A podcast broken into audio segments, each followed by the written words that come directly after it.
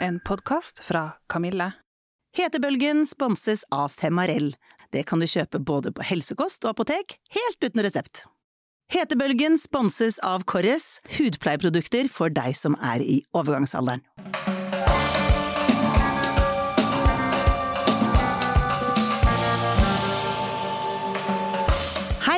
Jeg heter Dora Thoralsdottir. Jeg er 49 år, og jeg er omtrent ett kvarter unna at overgangsalderen slår til for fullt.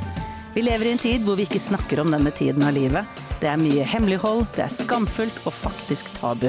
Men det vil vi gjøre noe med. Vi trenger å snakke om det, åpne opp og dele erfaringer, og ikke minst snakke med eksperter som kan masse om temaet. Velkommen til Hetebølgen. Hei og velkommen, kjære Rebekka Nøkling. Tusen takk, Dora. Før vi begynner, så vil jeg gjerne at du med dine ord sier litt om din bakgrunn. Litt om eh, hvem du er, for å forstå hvordan du har havna inn i dette studioet her. Ja, altså du kan si, hvis du ser det rent faglig, så er jeg jo en medisinsk genforsker i bunnen, og det jeg har vært spesielt interessert i, det er å se hva stress, sykdom og sorg gjør med kroppen vår helt ned på celle- og gennivå og selvfølgelig også hva som skjer i hjernen. Og for meg så er jo hormoner på en måte nøkkelen til å, hva skal jeg si, kanskje få litt mer håp og glede i livet, hvis man skjønner at hvis du balanserer det bra, så blir livet fylt med mer det vi liker å kalle livsstilsmotivasjon, for jeg har jo da også et selskap som heter Livsstilsmotivasjon, og vi har et senter hvor vi blant annet hjelper masse kvinner med hormoner. Ja, kort oppsummert. Ja. Jeg vet du har gjort veldig mange andre ting også, men det er liksom essensen, og det er det som er relevant for det vi skal snakke om. For jeg har gleda meg veldig til at du skulle komme, mm. fordi at du har en litt annen sånn approach på Ja. hormoner enn det mange andre har. Og det vi vet fra denne podkasten, og de som vet litt om overgangsalder, er jo at Mm. østrogennivået synker. Det er det som er sånn allmennkjent. Østrogennivået synker, og det skaper masse krøll i livet. Kalles overgangsalder. Ja. Eh, og så er det noen som kan da få tilført østrogen, og det er liksom det vi vet. Ja. Men du vet veldig mye mer, så jeg vil gjerne bare gi deg nå ordet, og så kan du fylle, fill in the blanks Ja. på ting vi burde vite mer om. Ja, så du kan si jeg jobber jo også mye som foredragsholder eh, for alle mulige mennesker som har lyst til å på en måte få litt mer livslyst i livet, men jeg underviser jo også medisinstudenter og holder også mye foredrag for leger og sykepleier. Og jeg må jo si at Norge er ikke verdens beste land hvis du spør alle leger i Norges land hva kan du om hormoner? For jeg tror mange av de kunne fordypet seg litt mer i det, og vi tror ofte at hormoner bare handler om pubertet eller når vi får hetetokter i overgangsalderen. Men jeg jobber jo like mye også med toppidrettsøvere, og jeg pleier å si vi kunne kalt Olympiatoppen for hormontoppen, for da, hvis du ikke klarer å vinne gullet, så tar man, hvis man jukser, en sprøyte i låret, og så kaller vi det doping, men det er jo egentlig hormoner. Og da snakker vi om de hormonene som er relevant her også.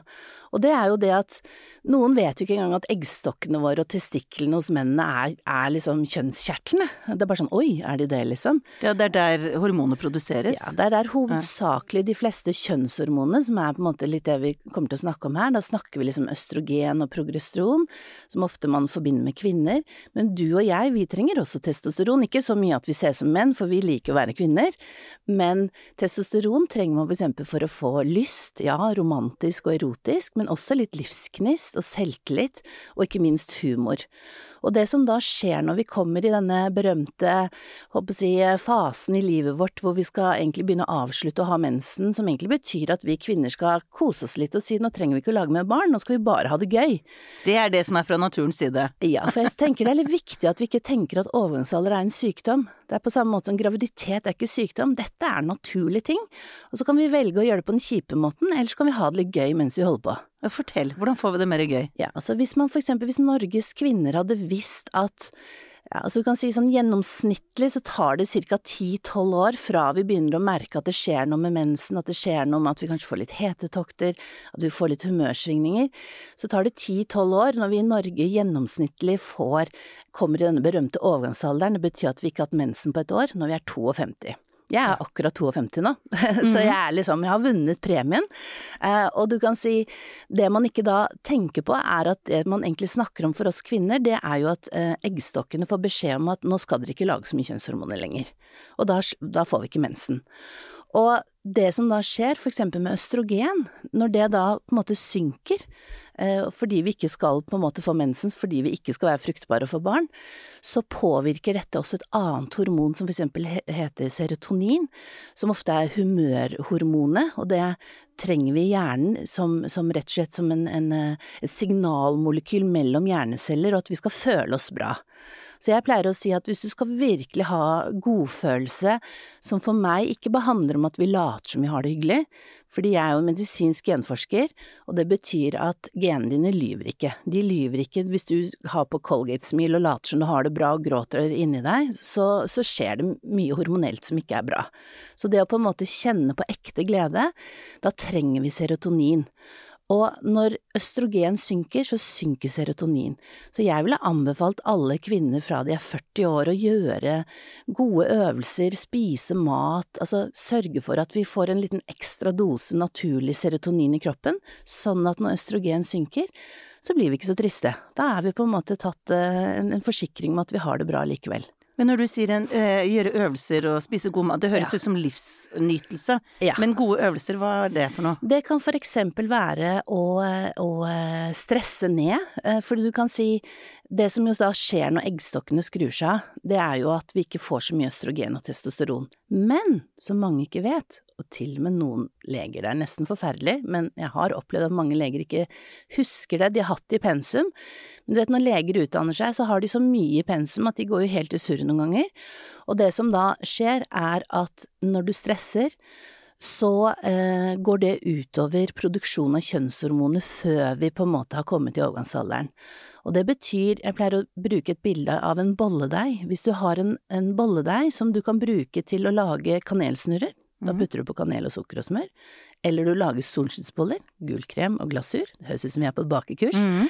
Eh, og det som da skjer, er at hvis du bruker all bolledeigen til å bare lage kanelsnurrer, som i dette tilfellet er stresshormoner, og du sier nå trenger jeg litt kjønnshormoner, eh, så ops, så var deigen borte og så får ja. du ikke lagd kjønnshormoner. Og kjønnshormonene, østrogen og progresjon, trenger vi for å være liksom 100% kvinner. Og testosteron, som jeg sa, trenger jo vi også for å ha lyst, selvtillit og humor. Så tenk deg når du da kommer i 40-årsalderen, barna begynner å bli litt større, du begynner å få en viktig jobb, liksom en stilling på jobben, og så skal du være på ditt beste, og så kjenner du sånn, jeg er egentlig ikke så romantisk med mannen min, jeg. Jeg tror jeg sier han snorker litt høyt, så vi tar to forskjellige soverom. Da mister du nærhet og kontakt. Mister masse kule hormoner som oksytocin og sånne ting som du får, endorfiner og alt det vi får når vi er forelsket. Og i tillegg så får du litt mindre selvtillit. Og særlig når vi hadde pandemitiden og sånn, når vi hadde sånn hjemmekontor og Teams-møter og sånne ting, så plutselig merker du at du plutselig ikke sier det du egentlig kan. Så når du hører en annen si det, så bare sånn, ja, det der kunne jo egentlig jeg bedre. Og så begynner du å miste humoren, altså at du blir litt sånn, når du er kanskje sammen med venninnegjengen, sånn ja, du vet det er gøy, men du er ikke helt til stede, og du gleder deg egentlig til å komme hjem under dyna og se på Netflix. Mm. Og dette skyldes rett og slett at din bolledeig eh, på en måte ikke lager solskinnsboller, men det du da får istedenfor, er jo masse stresshormoner. Og når du får masse stresshormoner, så eh, vil du rett og slett begynne å få litt smerter, litt betennelser, eh, rett og slett miste litt livsgnist og bli litt en gammel kjerring som ingen har lyst til å være sammen med, når du egentlig skal være på ditt beste. Det var liksom både veldig kjipt og eh, noe bra oppi dette, for det er noe du kan gjøre med ja. noe med. Ja. Fordi veldig mange Det høres ut som det du sier, er at veldig mange er ikke så bevisste på hva de bruker Nettopp. energien på. Nettopp. Men det går an å snu i tide. Ja, ja. altså du kan si hvis lytterne som hører nå, hvis de er liksom akkurat vippet over 40, så vil jeg si nå må du følge nøye med, fordi da kan du på en måte forebygge eh, at du blir litt trist og deppa eh, om noen år. Eh, har du kommet, eh, håper jeg, er du nærme 50-årene, sånn som meg som er 52? Så skal du vite at jeg snakker aldri om noe som høres kjipt ut hvis ikke jeg har løsningen. så det, her er veldig enkelt. Wow, ja, det er jo helt nydelig. Få ja. høre, hva er løsningen? Ja, fordi det du kan gjøre da, er for eksempel, eh, håper jeg, før eggstokkene har skrudd seg helt av, så kan du på en måte sørge for å få den bolledeigen til å lage med solskinnsboller.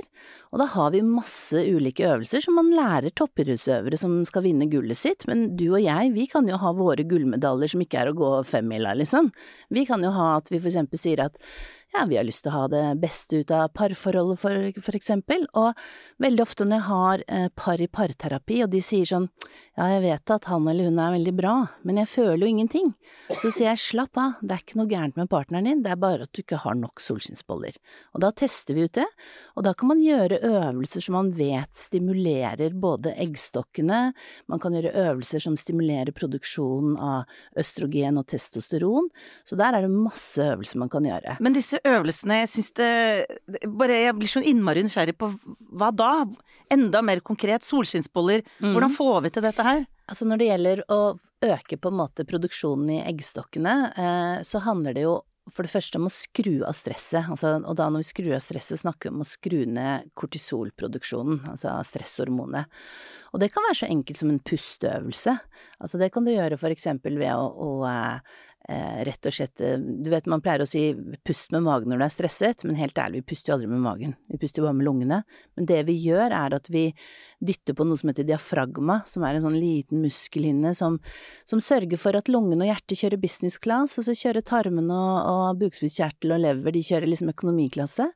Og veldig ofte når vi stresser, så tar denne, håper jeg, eh, muskelskilleveggen som da skiller, akkurat som det er forhenget på fly, vet du, mellom businessklasse og økonomiklasse, hvis vi klarer å glatte den ut, så plutselig så klarer vi å, å fylle lungene med mer luft, sånn at vi får mer oksygen. Og det kan du gjøre så enkelt sånn som eh, sangere for eksempel, bruker veldig ofte det man kaller S-pusten.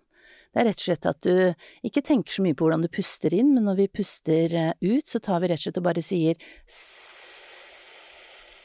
Det er egentlig for å forlenge Pusten. Altså det som skjer da, for det første så tømmer du deg for ganske mye karbondioksid. Det er eneste gang det er lov å ha karbondioksidutslipp, det er når vi tar det. For husk sånn med planter og sånn, så skal plantene gjøre det oksygen. Men det som er aller viktigst, det er at du får på en måte eh, en mykere diafragma. Eh, for eksempel operasangere og sånn i operaen, de bruker det. Og da går rett og slett diafragmaen opp og ned, og så skjer det to ting. Det ene er at du får mer oksygen i lungene, men du får også massert organene. og det å bevege organet, det digger hjernen. Da tenker den oi, du skal ut på et eller annet spennende siden du beveger organet.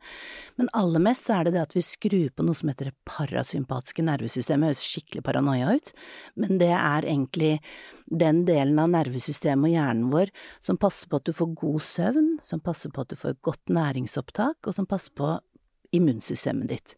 Så faktisk bare ved å puste tre til fem ganger ut på S, så vil du sende signaler til hjernen din om at du, hallo, slapp av litt da, det der stresset er falsk alarm, det er ikke noen eh, farlige grizzlybjørner som kommer og spiser deg, sånn som kanskje forfedrene våre ble utsatt for når de plukket blåbær og ante ingen fred og uvare når det kom en hårete fyr som spiste opp, og alle flokkdyr, inkludert oss mennesker, maur, elefanter, vet at hvis noen spiser deg, så er det fare på ferde. Og det er jo grunnen til at vi har denne berømte stressresponsen som vi kaller fight or flight. Så du kan si ved å pusse for eksempel med S, eh, så vil du sende signaler med det.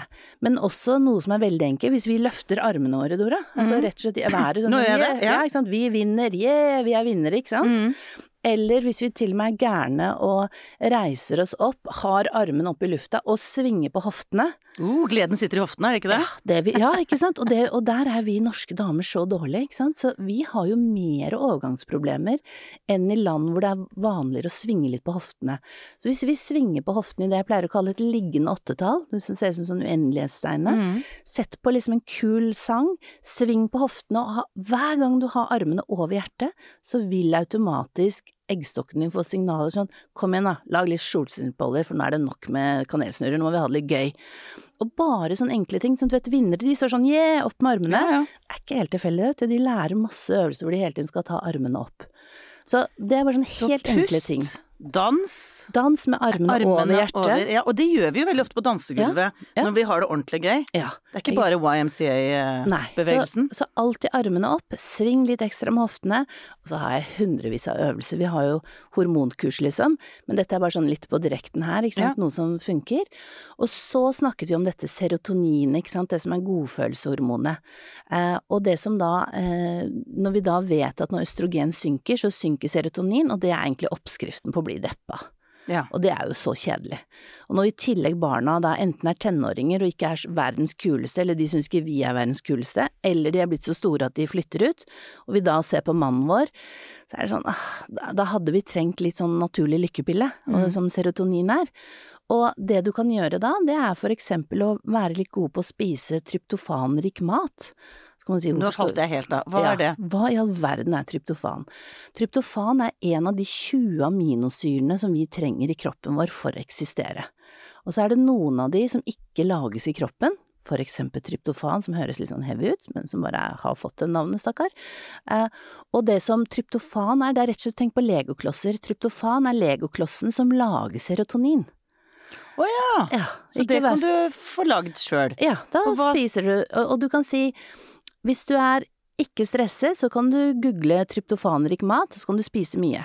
Men det som skjer med oss når vi har stresset, og hvis vi da tenker dette eksempelet at du har stressa litt, som er vanlig sånn rundt i 40-årene, da er det slik at cellene dine de er ikke like villige til å ta inn vitaminer og næringsstoffer fra maten. Da er de litt lei og sier vet du hva, kom igjen da vitamin, bare kjør forbi, jeg gidder ikke å ta deg inn i cellen min. Jaså? Ja, for de De blir er sånn slitne. tenåringer sjøl? Ja, de er stressa. De er bare sånn 'dette gidder jeg ikke'. Og da ender jo mye av de herlige næringsstoffene i doskålen, rett og slett. For det, jeg pleier å si til medisinstudentene det holder ikke å spise sunt og putte mat i munnen og tro det er bra. Hele poenget er jo at cellene dine tar det opp. Og i fagspråket så kaller vi det biotilgjengelighet. Men det handler egentlig om at La oss tenke at vi har en stresset dame, cellene hennes sier jeg gidder ikke å ta inn hva som helst, for jeg er sliten, jeg er lei, jeg orker ikke at folk maser på meg, alle bare bruker meg, ikke sant, sånn som typisk mamma sier. Eh, så sier vi ok, da lytter vi til forskerne fra Oxford og Harvard, hva er det de har funnet ut alltid går inn i cellen din selv om du er sliten? Og da er det Og nå er jeg så spent! ja, jeg føler nå mangler det bare sånn Og fanfare. Det er havre og banan. De to tingene? Ja, så enkelt. Så la Er det ikke verre enn det? Nei, la oss ta tilbake havregrøten. Havre? Og du vet, vi som bor i Oslo, det er jo litt fancy å gå på Oslo Raw og Happy Food og alle disse tingene hvor det er sånn raw food. Og da får du ofte det man kaller sånn, havre, sånn kald havregrøt. Og det er jo så latterlig enkelt å lage. Du bare tar litt havreflak, putter på melk eller havremelk eller soyamelk eller kokosmelk, whatever you want. Putt en time i kjøleskapet eller over natten. Pynt med litt ekstra bær og sånne ting, så får du dosen din med havre som egentlig gir deg mer serotonin. Og Du blir lykkeligere av å spise mer havre og bananer, rett og slett? ja, trenger ikke antidepressiva da, spis masse havre. Du kan spise havreknekkebrød, havrebrød, varm havregrøt også. Hvorfor vet vi ikke dette her? Nei, det er, det, er, det er det jeg pleier å si. Det er Grunnen til at ikke jeg står på laben nå og, og forsker, det er jo at jeg følte at vi trenger jo en, en bro mellom forskningen og folk der ute. Ja. Og så sa jeg jo banan. Og der skal man være litt sånn på en måte jeg pleier, ikke, jeg pleier ikke å bry meg om folk spiser økologisk eller ikke økologisk, for folk har forskjellig økonomi, folk eh, bor på forskjellige steder. Men akkurat med bananen så kan det være lurt å ha økologisk, for en økologisk banan har så mye mindre sukker eh, enn en, en, håper jeg, de andre bananene. Så det kan være lurt for å holde blodsukker i balanse, som man så fint kaller det. Så jeg pleier å si hvorfor ikke ta litt sånn kald havregrøt, pynt med bananer, eh, og spis det litt oftere. Og det som er kult, Dora, det er at hvis vi da ser på da serotonin, hvis vi da tenker ok, jeg skal få inn denne rare tryptofan, det er legoklossen til å lage serotonin, og da vil hjernecellene dine, og vet du hvor mange hjerneceller vi har i hjernen vår, eller? Nei, det er et eller annet sånt giganttall som 100 milliarder hjerneceller. Så jeg tenker nå skal vi takke de forskerne som gadd å finne ut det. Altså, det burde man lage Ja, litt Hvordan teller man de? Ja. Ja, det er helt sykt, ikke sant, men det er så stort tall at man ikke får det. Men da, når de får serotoninballene, eller det man kaller i fagspråket for neurotransmitterstoffer, som da kastes fra én nervecelle til den andre, så tenk at den andre nervecellen har sånne små hender som vi kaller serotoninreseptorer. Alt høres jo så mystisk ut, men det er jo egentlig bare noen hender som sier få den serotoninballen, da, jeg vil ha litt godfølelse. Og smekk, så oi, nå slår jeg rundt her. Er Spiller tennis. Eh, så kommer den serotoninballen i den hånden, og vom, så får du godfølelse. Og da kan du bli like high som om du hadde brukt drugs, bare at du da sørger for at dine serotoninhender på overflaten av hjernecellene dine får dette. Og så kan vi noen ganger si, men kan vi få for mye serotonin? Og akkurat serotonin er litt sånn unntak, for ofte så skal vi ikke ta for mye av det gode, man skal ha den gylne middelvei. Men lager du for mye serotonin, vet du hva kroppen gjør da? Den omdanne serotonin til noe, et annet hormon som heter melatonin, og det har noen hørt. Ja. Ah, har ikke det med noe søvn å gjøre og sånn? Jo, for hvis du har melatonin, så er det en litt sånn naturlig sovepille. Så hvis du spiser mye havre og bananer i begynnelsen, når du er litt stressa, og etter hvert når du blir mindre stressa, kan du spise flere tryptofan, skyr og litt sånne ting, eh, men da lager du melatonin, og så plutselig så får du sove bedre. Så de to symptomene i overgangsalder som er veldig typisk, er dårligere søvn og mer nedstemthet, Ja. Der tar du de to med, Med en gang. Med havre og banan, stressmestringsøvelser, og så vil Og jeg kanskje redusere stress også, da. For Ja. ting er stressmestring, men også se på Ja. hva er det som stresser meg Ja, for mye. du. For du kan si, det med stress er jo veldig individuelt, ikke sant, hva som stresser deg, hva som stresser meg, og der kunne jeg jo sittet der i 20 timer og snakket om det, men jeg pleier å dele, eh, håper å si, stresskarusellen i, i tre faser. Den første stressfasen, det er sånn hvor du typisk får sånn vondt i nakke, hode, eh, skuldre, rygg, hofte, som ofte er sånn eh, muskel- og skjelettplager, som lille Norge bruker 100 milliarder Ja. kroner i året på. Det Er den mest vanlige Ja. sykemeldingen er Ja, så det kunne vi nesten hatt en egen episode på. Stressfase to, så er det det at eh, Litt sånn som jeg snakket om i sted, det som et parasympatisk nervesystem. Og det er sånn at vi har noe som heter autonome nervesystem, og autonom, autonom betyr bare for deg selv. Vi har et nervesystem som passer på at når vi sitter nå og ser på hverandre og blunker eller puster, så må ikke du tenke nå blunker jeg, nå puster jeg, da hadde ikke vi klart å snakke. Så alt det som på en måte hjernen gjør som du ikke trenger å tenke på, det gjør du autonome. Og den ene delen av det nervesystemet heter sympatiske, høres jo veldig kult ut. eh, og på en måte så er det jo det, men det har egentlig én hovedoppgave, og det er å bare lage mer stress.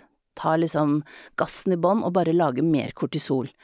Eh, og det andre som jeg sa, det parasympatiske, det passer på søvnen din, det passer på næringsopptaket og immunsystemet.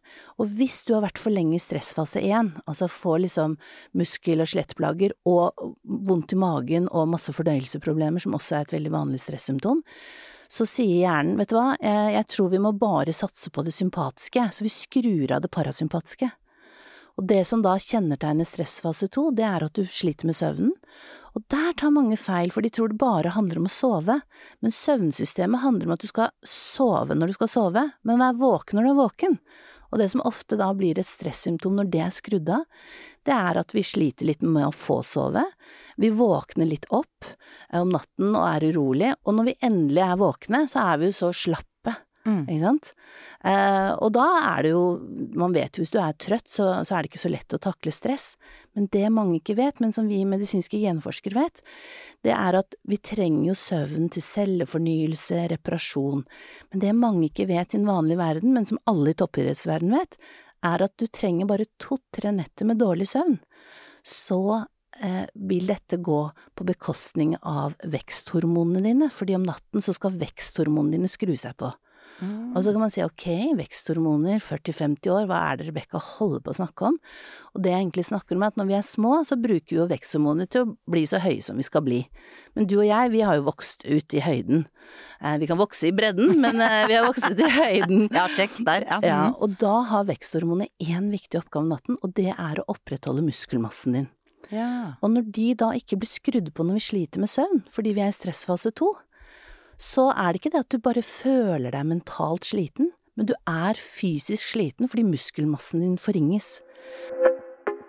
Hetebølgen sponses av Korres. Det er en gresk hudpleieprodusent som bruker kun naturlige ingredienser. Og hvorfor sponser de oss? Jo, fordi de har laget en serie retta til kvinner i overgangsalderen som heter White Pine. Og det er for alle oss som ønsker å reversere huden tilbake til sånn huden var før. Dette her får du kjøpt på alle Vita-butikker.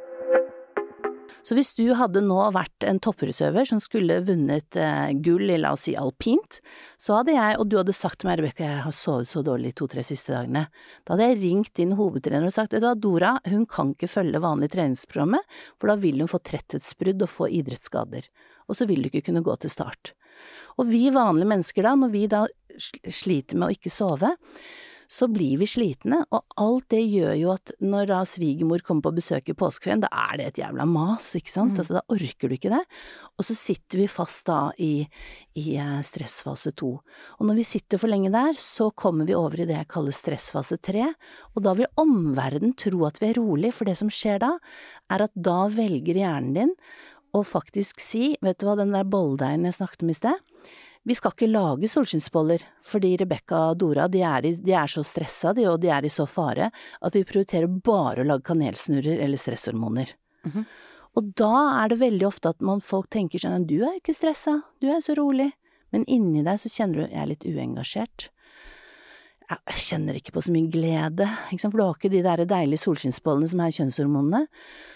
Du syns ingenting er morsomt, men folk tror at du er rolig, ikke sant? Men egentlig beskriver du mer en sånn deprimert følelse, da? Ja, og det er nettopp det, for hvis du da blir sittende for lenge der, da har du akkurat skjønt det, nå er det som medisinstudentene, nå hadde du fått toppkarakter, ikke sant? Wow, flaks. Ja, fordi det som skjer da, er at da blir liksom neste som banker på, det er jo da veldig ofte depresjoner, eh, det er angst, ikke sant, da får vi ofte angstanfall, da får vi det jeg kaller en trykkoker. Så det å på en måte være bevisst på at, vet du hva, når du kjenner at du ikke klarer å være forelsket i den flotte kjæresten din, eller hvis du ikke syns noe er morsomt, og du føler deg litt uengasjert, og du vil egentlig isolere deg, bare se på Netflix-serier og, og, gi deg egenkjærlighet uten å være sammen med andre, da vil jeg si det er på tide å lage litt solskinnsboller, og særlig hvis du da er fra 40 og opp til ca. 52, for vi vet at når eggstokkene skrur seg av, så får du mindre østrogen, det betyr mindre solskinnsboller, eh, du får også da mindre testosteron, og serotonin som vi snakket går ned, så jeg ville gjort stressmestringsøvelser, jeg ville flørtet med kjæresten min, for bare det å flørte, Dora, mm. setter i gang solskinnsboller. Ja. Så enten om du flørter med kjæresten din, eller med alle kollegaer, eller med han kjekke på bussen, Kom igjen, flørt. Jeg vet det er litt anti-metoo, men, men, eh, det er i seg selv Du snakker bare om flørting, det er ikke tafsing på Nei. fremmede mennesker som ikke har bedt om det. Nei, jeg pleier Nei. å si gi ekte komplimenter, da. Ja. Se på en person og tenk nå skal jeg finne noe bra hos deg. Det er jo øvelsen å skru seg på litt og ja. være i live, på en måte, ja. og, og, mer av det som gir deg sånn gledefølelse av å danse, som du sier, og puste ja. og hendene over hodet, og velge ting som gir velvære, på en måte. Ja, og så kan du tenke, det er jo veldig mange som er redde for genmanipulering, men dette er da naturlig genmanipulering. Hvis du gjør dette, så får du rett og slett kroppen din til å produsere kjønnshormoner som du vet at du trenger å stimulere når du skal gå inn i, i denne perimenopausen og overgangsalder, vi kunne brukt masse fine mm. ord, eh, men så er jo spørsmålet da, hva når du har kommet i overgangsalder, når eggstokkene eh, er skrudd av? Mm. Fordi når moder natur sier nå kan du slappe av, nå trenger du ikke å lage flere barn. Eh, Tenker du da etter etter, etter, overgangsalder, ja, ikke sant. Ett år hvor du ikke har hatt mensen, og du som er kommet i overgangsalderen, mm. så pleier man ofte å slenge på et år ekstra. Eh, og du kan si hva da, skal vi ikke ha kjønnshormoner da? Selvfølgelig skal vi ha det, og moder natur, hun er så kul, hun har alltid plan B. Fordi det hun da har sørget for, er at i de bitte, bitte små binyrene, som er sånne små trekanter på hver nyre som vi har liksom bak på ryggen her, mm de lærer de fleste, og de fleste som har lest selvhjelpsbøker, de hører sånn ja, stressresponsen lager kortisol i binyrene og binyrebarken. Mm. Men hvis de ikke tvinges til å lage så mye stresshormoner, så lager de kjønnshormonene til og med etter overgangsalderen. Og der, det flytter seg? Nei, altså ja, eller det lager det egentlig hele tiden, for du vet de stakkars stresshormonene de skulle være skrudd på 15–30 minutter, for det var den tiden det tok å kjempe mot en bjørn eller rømme fra en bjørn. Mm. Så alt det som stressresponsen har gjort, det er at den tenker sånn ja, du skal bli Superman og Superwoman i 15–30 minutter, for enten så har du vunnet, eller så har du dødd, ikke sant? Ja. Så, så, du kan si egentlig så skal binyrene være en liten sånn plan B og lage litt kjønnshormoner. Og da kan man for eksempel bruke ulike treningsmetoder, man kan også bruke denne hormonyogaen som vanlige norske leger syns jo er forferdelig skummelt alternativ, men husk jeg er en knallarealist med åpent sinn, jeg underviser medisinstudenter, men det man da har sett når man har vendt blikket mot Østens visdom, og så ser jeg hvorfor driver de og tar de samme øvelsene i 5000-6000 år, er de dumme, eller har det noe for seg? Mon tro. Ja, og mye av vår medisin baserer seg for eksempel på indisk medisin, og veldig mye kunnskap om, om organene våre har vi fra kinesisk medisin, og vi er ikke så gamle i kultur. Hvis du ser liksom mot Asia og, og Kina sånn, så har de litt mer kunnskap, mens vi drev og hoppet rundt og var vikinger. Så vi skal liksom bøye oss av til litt respekt, og nå er det jo kult, fordi nå kan jo sånne folk som meg putte på elektrode på hjernen, vi kan ta blodprøver og genprøver, og så kan vi faktisk si hva som skjer. Og Hormonyoga, jeg har jo tatt en utdannelse selv med en knallrealist hos en som heter Dina Rodriguez, hun er en brasiliansk dame som nå tror jeg er 98 år gammel. Og hun driver med hormonyoga, og mannen hennes som er 100 år, han må gjøre det. Og hun er så herlig når hun har hatt liksom turné liksom i Europa liksom tre uker, så er hun jo liksom gamle, så sier Rebekka nå er jeg ikke tilgjengelig på telefon, for når jeg kommer hjem så skal vi ha det romantisk. Så hun er i full vigør i da nesten 98 år og mannen på 100 år. Og Marius, mannen min og jeg, vi sier alltid sånn skal søren meg vi også bli. Ja, ikke sant. Eh, så det å på en måte skjønne at det Hva gjør de? Men kan jeg bare spørre, for når du sier hormonyoga, så, mm. så de færreste Vet hva det er. vet hva det er, og Ja. er det tilgjengelig og sånn. Mm. Kan mye av vanlige yogaøvelser bidra til dette her, eller er det helt spesifikke øvelser Så det jeg vil si at all yoga Er det på YouTube, da, for å si det sånn? Ja, altså litt noe, men du kan si all uh, yoga, og for så vidt mye trening også, altså så her kan du velge hva du vil, vil hjelpe deg til å skru av stressresponsen i den forstand at det skrur på det som heter det parasympatiske, ikke sant, det vi snakket med søvn og næringsopptak og immunsystemet. Så veldig mye er stressreduserende.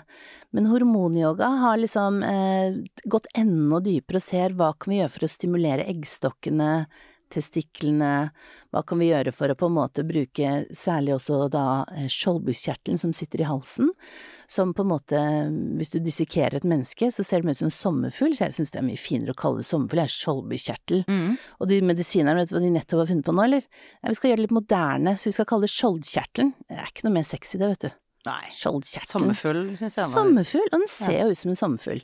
Mm. Og det, du kan si, det mange ikke vet, og som også er viktig kanskje når vi snakker om kvinner i overgangsalderen, eller går inn i overgangsalderen, det er at eh, binyrene, disse små trekantene som lager enten stresshormoner, eller som du nå vet, kjønnshormoner også, så gjett om vi skal være, når vi er 95, Dora, da skal vi ha det romantisk med kjæresten våre og danse med henda i været, ikke sant?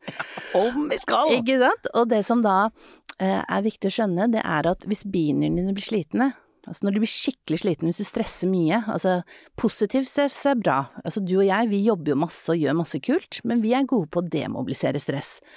Mens, og hvis du skal over en vei og du skal redde barna dine fra bilen, så er det bra med positiv stress. Og vi skal ikke snakke om at stress er bare feil, fordi det er naturlig og det er med på å få oss til å overleve.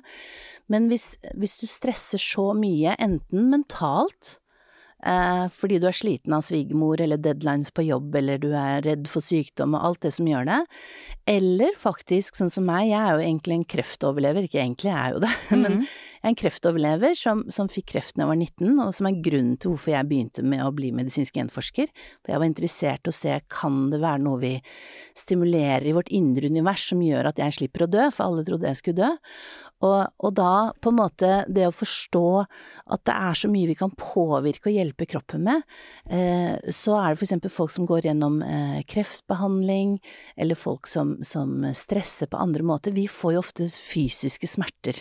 Vi får senskader, som man kaller det. Forskerne sier jo faktisk at, at eh, vi begynner å bli så mange at det er en egen populasjon. Så jeg, jeg er veldig for pride, men jeg syns nesten vi burde hatt en demonstrasjon for alle oss som har senskader også, for vi begynner å bli så mange overlevere, på, på godt og vondt. Ikke sant? Det er, jo- vi er jo glade for å leve, men vi lever ofte som krigsveteraner. Og det som da er viktig, er at når binyrene blir veldig trette fordi du stresser enten mentalt eller fysisk med smerter og senskader, så henger binyrene nesten som en usynlig tråd sammen med denne sommerfuglen.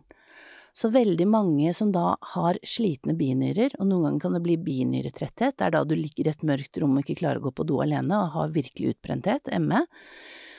Men hvis de blir veldig slitne, så påvirker de din sommerfugl sånn at den enten svulmer litt opp, at den mister funksjon, og vet du hva sommerfuglen egentlig passer på i kroppen vår? Nei, jeg bare mm, Fortell, fortell. Metabolisme, skal man si, ok, hva er det? Det er liksom oppbygning og nedbygning av stoffer i kroppen vår.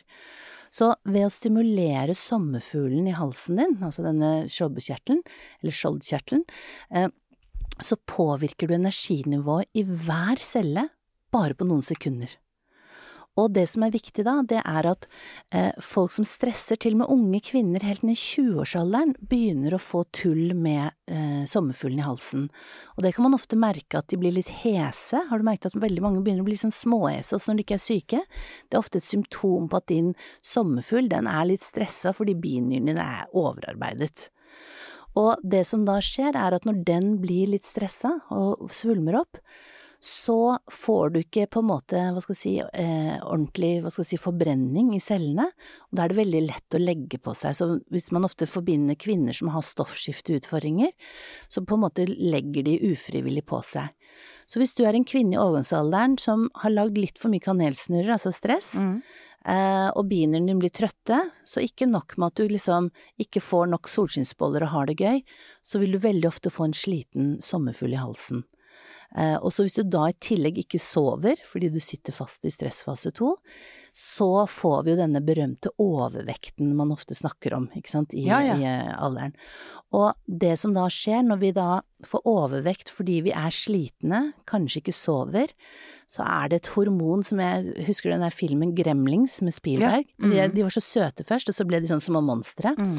Da har vi Hvis du ikke får nok søvn, så snakket vi om at du ikke får nok veksthormoner, men du får heller Det som skrur seg på, det er noe som heter grelin. Det høres ikke ut som gremlins? Jo, gremlins. Jo, ja, ja. Og grelin, vet du hva det gjør? Det er et lite hormon som får deg til å få helt sykt stor appetitt, så du vil bare crave alt du ikke egentlig skal. Fordi det tror, og du er litt i krise, du er litt trøtt, så vi trenger å gi deg litt energi i tilfelle du skal gjøre noe viktig. Og da kommer vi i den der litt sånn kall det onde, hva skal vi si, overvektskarusellen, ikke sant. Vi, vi, får ikke sove, vi lager disse små gremlingsene, eller grelin, mm. eh, og vi blir egentlig bare mer og mer stressa. Når da bikinisesongen kommer, så er vi ikke så fornøyd med kroppen, og så videre og så videre. Så har vi ikke solskinnsboll, da har vi i hvert fall ikke lyst på sex. Og det å tørre å være romantisk, det å ta tilbake erotikken, skru på det jeg liker å kalle naturlig kvinnekraften, det er noe av det beste du kan gjøre for å redusere stress, fordi hvis du lager masse kjønnshormoner av den bolledeigen Det du sier er egentlig ha mer sex? Ja, ha mer sexromantikk. Fordi husker du den bolledeigen jeg sa, hvis, hvis, vi bare lager kanelsnurrer, så er det ikke noe igjen å lage solskinnsboller. Mm. Men det vi gjør med toppidrettsutøverne her, sånn hemmelighet, da gir vi dem øvelser som gjør at de bare lager solskinnsboller. Og hva skjer da? Da har du ikke kanelsnurr, så da kan du ikke være stressa. Så, så, det er derfor de gjør det bra? Ja, liksom, jeg får jo disse stakkars idrettsutøverne som har skadet seg og kanskje mistet livet omtrent. Vi skal, hvis vi skal få de i toppen av en alpinbakke og få de til å, å, vinne gull igjen, så vil det jo være veldig dumt at de er stressa. Så hvis jeg da tvinger den bolledeien til å lage solskinnsbå, så står de der oppe og tenker sånn oi, det var bratt, men jeg er jo ikke stressa, for jeg gleder meg, ikke sant, fordi hva var det testosteron og østrogen og sånn testosteron gjorde? Ga deg selvtillit, ja. ga deg humor og lyst til å vinne. Så det å på en måte tenke jeg skal faktisk eh, tvinge denne lille bolledeigen, og det høres ut som en metafor, men faktisk, hvis jeg hadde brukt masse kjemiske vanskelige navn, så er det faktisk sånn hormoner veldig ofte lages. Du lager en, en bolledeig, ja. og så lager du små justeringer. Jeg likte at du brukte solskinnsboller, for da er det lettere å Det er mye lettere å forstå. Ja, og så er det lettere å si sånn, det jeg sier til venninnene mine, ikke sant, sier sånn, du, vet du hva, det ser ut som du trenger litt mer solskinnsboller. Ja. Skal vi kanskje danse litt, og da vet du allerede, vi skal danse med armene, ja, ja. armene opp i været og svinge på hoftene. Ja. Du, det som er, Rebekka, det er så mange kjempespennende ting. Eh, du har vært innom østrogen og banan og havre og dansing og pust og, og Ikke sant. Det er utrolig mye vi kan gjøre selv for ja. å få en bedre overgangsalder. Men før jeg slipper det ut herfra, så har jeg mm. veldig lyst til å ta tak i testosteron også. Fordi at eh, du er en av eh, den eneste eksperten hittil, egentlig, som har snakket om at vi produserer jo testosteron selv. Og det har jo så mye med så mange følelser å gjøre, mm. som du også nevnte. Hvordan kan vi ivareta eller øke produksjonen av testosteron, og hvorfor er det så viktig? Jo, altså du kan si testosteron er jo det som på en måte rett og slett gir oss kjønnsdrift, det er derfor vi på en måte snakker om lyst, samtidig som det også er det som, som jeg sier, gir oss selvtillit og, og, humor. Og du kan si, eh, det er jo, det er jo liksom ofte blitt kalt mannehormonene, og, og, noen kvinner har jo ubalanser, så de har altfor mye testosteron i forhold til østrogen. Og man, man, kan jo bli helt surrete hvis du leser en artikkel skal jeg ha mye østrogen, og så plutselig leser man om østrogendominans. Skal jeg ha testosteron, da kan jeg jo få masse hår på kroppen og bli dyp i stemmen, ikke sant. Så du kan si det handler om en naturlig balanse. Og jeg er veldig for, siden jeg er en knallhard realist med åpen sinn, så jeg er veldig for å kombinere medisinsk behandling og det du kan gjøre selv. Så det som er viktig for lytteren å høre, det er at når vi kommer med råd, så er det liksom hvis du har utfordringer, så snakk med en ekspert eller lege som hjelper deg, men generelt sett kan vi si at hvis du kan stimulere testosteronproduksjonen som du har i kroppen din på en naturlig måte, så vil kroppen passe på at du liksom ikke får for mye av det. Eh, og vi kvinner, vi trenger det, og mennene, de har litt mer av det. Men du kan si eh, det som er med testosteron, hvis vi ser på guttene, da. Hvis vi nå hadde tatt 100 16 år gamle gutter som vi hadde funnet utenfor her i Nydalen, eh, Dora, og, og linet dem opp, så ville du og jeg, selv om vi er på en måte vant til å se på folk og være åpne, så ville vi noen ganger ha problemet sagt er det gutt eller jente. For du har lagt merke at veldig mange gutter er blitt litt mer feminine. Ja, jeg har ikke tenkt sånn nevneverdig på det, nei. Men hvis du ser litt etter, så er det mange som på en måte er litt sånn rundere i formene. Eh, de, er, de har ikke så mye, hva skal jeg si, de har ikke så mye testosteron. Så er det noen som skylder på at ja, men det er fordi de sitter og spiller dataspill, og de klatrer ikke i trærne. Men husker du bolledeigen? Det gjelder jo mm. for menn òg. Hvis deres bolledeig ikke lager så mye testosteron, altså solskinnsboller, og fordi de stresser mye, så vil ikke de få sin dose testosteron. Så du kan si forskerne snakker jo faktisk om dagens unge som den mest kjønnsløse generasjonen som noen gang har blitt dokumentert. På grunn av høyt stressnivå? Nettopp, fordi bolledeigen lager for mye kanelsnurrer. Så du kan si der ser vi det jo veldig tydelig på gutter, og derfor er det jo så mange gutter, stakkar, som har begynt med alle mulige injeksjoner og på en måte overtrener og får spiseforstyrrelser. Altså guttene får kjenne litt på hvordan det har vært for oss kvinner, som på en måte kjenner det enda mer. For vi lager ikke så mye testosteron, men det testosteronet vi trenger, det trenger vi for å ha lyst og, og, og selvtillit og glede. Hvordan kan vi øke det ja, hos da, oss kvinner, da? Ja, og da er det for eksempel sånn som den øvelsen jeg snakket med armene opp, svinge med hoftene. Vi har masse ulike øvelser du kan gjøre. Og så kan du gjøre noe så enkelt som styrketrening, ikke sant. Ja. Rett og slett. Eh, og du kan ta Som er jo viktig for muskelmassen ja, i kroppen. Ikke sant. Trappeløp og sånne ting. Samtidig så må jeg innrømme at jeg har jo masse, masse øvelser, og det er ikke alltid man får tid til å ta så mye styrketrening, så jeg liker ofte å gjøre liksom øvelsen tar to-tre minutter på det. Men vi har jo egne, hva skal jeg si, eh, workshops og kurs eh, hvor vi lærer folk å få frem, få frem eh, testosteron. Og det enkle som jeg sa i sted, begynn å flørte. Selv om du kanskje ikke syns kjæresten din er verdens kuleste, og dere kanskje har levd sammen i 10-20 20-30 år, så bare se på han eller hun. Se, er det noe positivt jeg kan finne ut? uh, og så bare si et ekte kompliment, ikke sant? Mm. Og så vil du merke at det tar veldig kort tid før du på en måte får en respons. Det er jo derfor, håper jeg det å flørte med kollegaer, som vi sa, altså den letteste måten å være utro er jo å flørte med kollegaer, men, men, ofte så får man jo ofte en sånn ny vår når man kanskje er utro, eller man flørter med en kollega. Hørtes ut som du fremsnakket utroskap. Ja, men det, det, er når du kanskje ikke vet hva du skal gjøre. Men hvis ja. du skjønner at det du gjør med å flørte med en kollega, at du faktisk kan ta han gubben eller kona di hjemme ja. og flørte med, med de. At eh, du kan se på menyen ute, ja. så kan du spise hjemme. Ja. Så kan det også, for eksempel noen ganger så er det jo det at du, eh, at du blir litt lei av den andre, ikke sant. Åh, du er så treg, ikke sant. Eh, og da kan man jo jukse litt og for eksempel ta en liten oksytocinøvelse. Eh, og oksytocin er liksom godfølelse, kjærlighetshormonet, tillitshormonet. Og litt sånn hvis du på en måte har lyst til å få noen til å si ja når de egentlig sier nei, bare sånn nei, jeg vil ikke dra til Maldivene. Og da er det en øvelse som er latterlig enkel, det er at du gjør sirkulerende bevegelser for eksempel på lårene dine, akkurat sånn du lager en sirkel med hendene, og så Massere, på en måte? Ja, og ja. så trykker du, og så gjør du det i to minutter. Hvor som helst på låret? Ja, hvor på låret, og hvis du skal gjøre det på kjæresten din som er litt treg og ikke skjønner at du vil på den ferien, så tar du og gjør det på ryggen.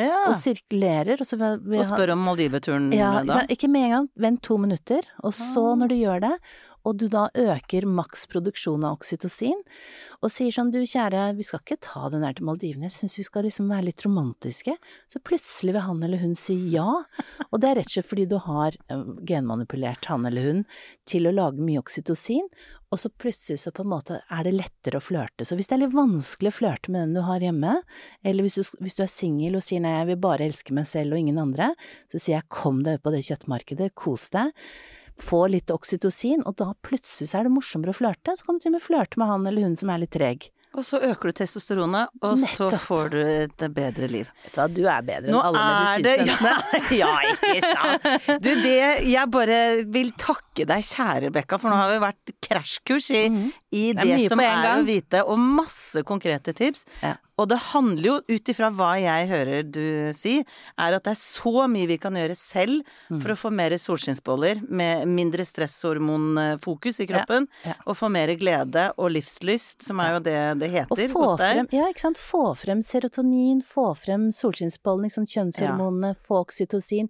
Det jeg håper at lytterne har fått, er håp. Og når jeg delte min historie at jeg selv ble syk og lette etter håp å overleve, så vil jeg si jeg håper jeg har gitt deg håp til at overgangsalderen er ikke noe du skal skamme deg over, noe du skal grue deg til. Det er noe du skal si, vet du hva, nå fortjener jeg å ha skikkelig kvinnekraft og ha det bra. Og hvis jeg da i tillegg klarer å stimulere noen av disse hormonene på en naturlig måte, og eventuelt få litt hjelp av noe eh, behandling hvis du trenger det hos legen din, så blir livet plutselig morsomt. Du, altså We end on a good note. Det, det her var helt fantastisk å ha deg inne. Så mye konkret, Rebekka. Tusen takk for at du kom og delte og har så mye kunnskap om dette her. Så da vil jeg bare takke deg, og så ønske deg lykke til. Jeg vet at du har jo ikke hatt noen store plager som over, i overgangsalderen selv. Flørter jeg så mye med mannen min. Jeg skulle akkurat si det, at jeg, jeg tror du lever det du sier. Ja, walk som, the talk. eh, walk the Ja. talk, ja. Tusen takk for at du kom. Veldig hyggelig. Hetebølgen sponses av Femarell. Det kan du kjøpe både på helsekost og apotek, helt uten resept. Hetebølgen sponses av Korres, hudpleieprodukter for deg som er i overgangsalderen.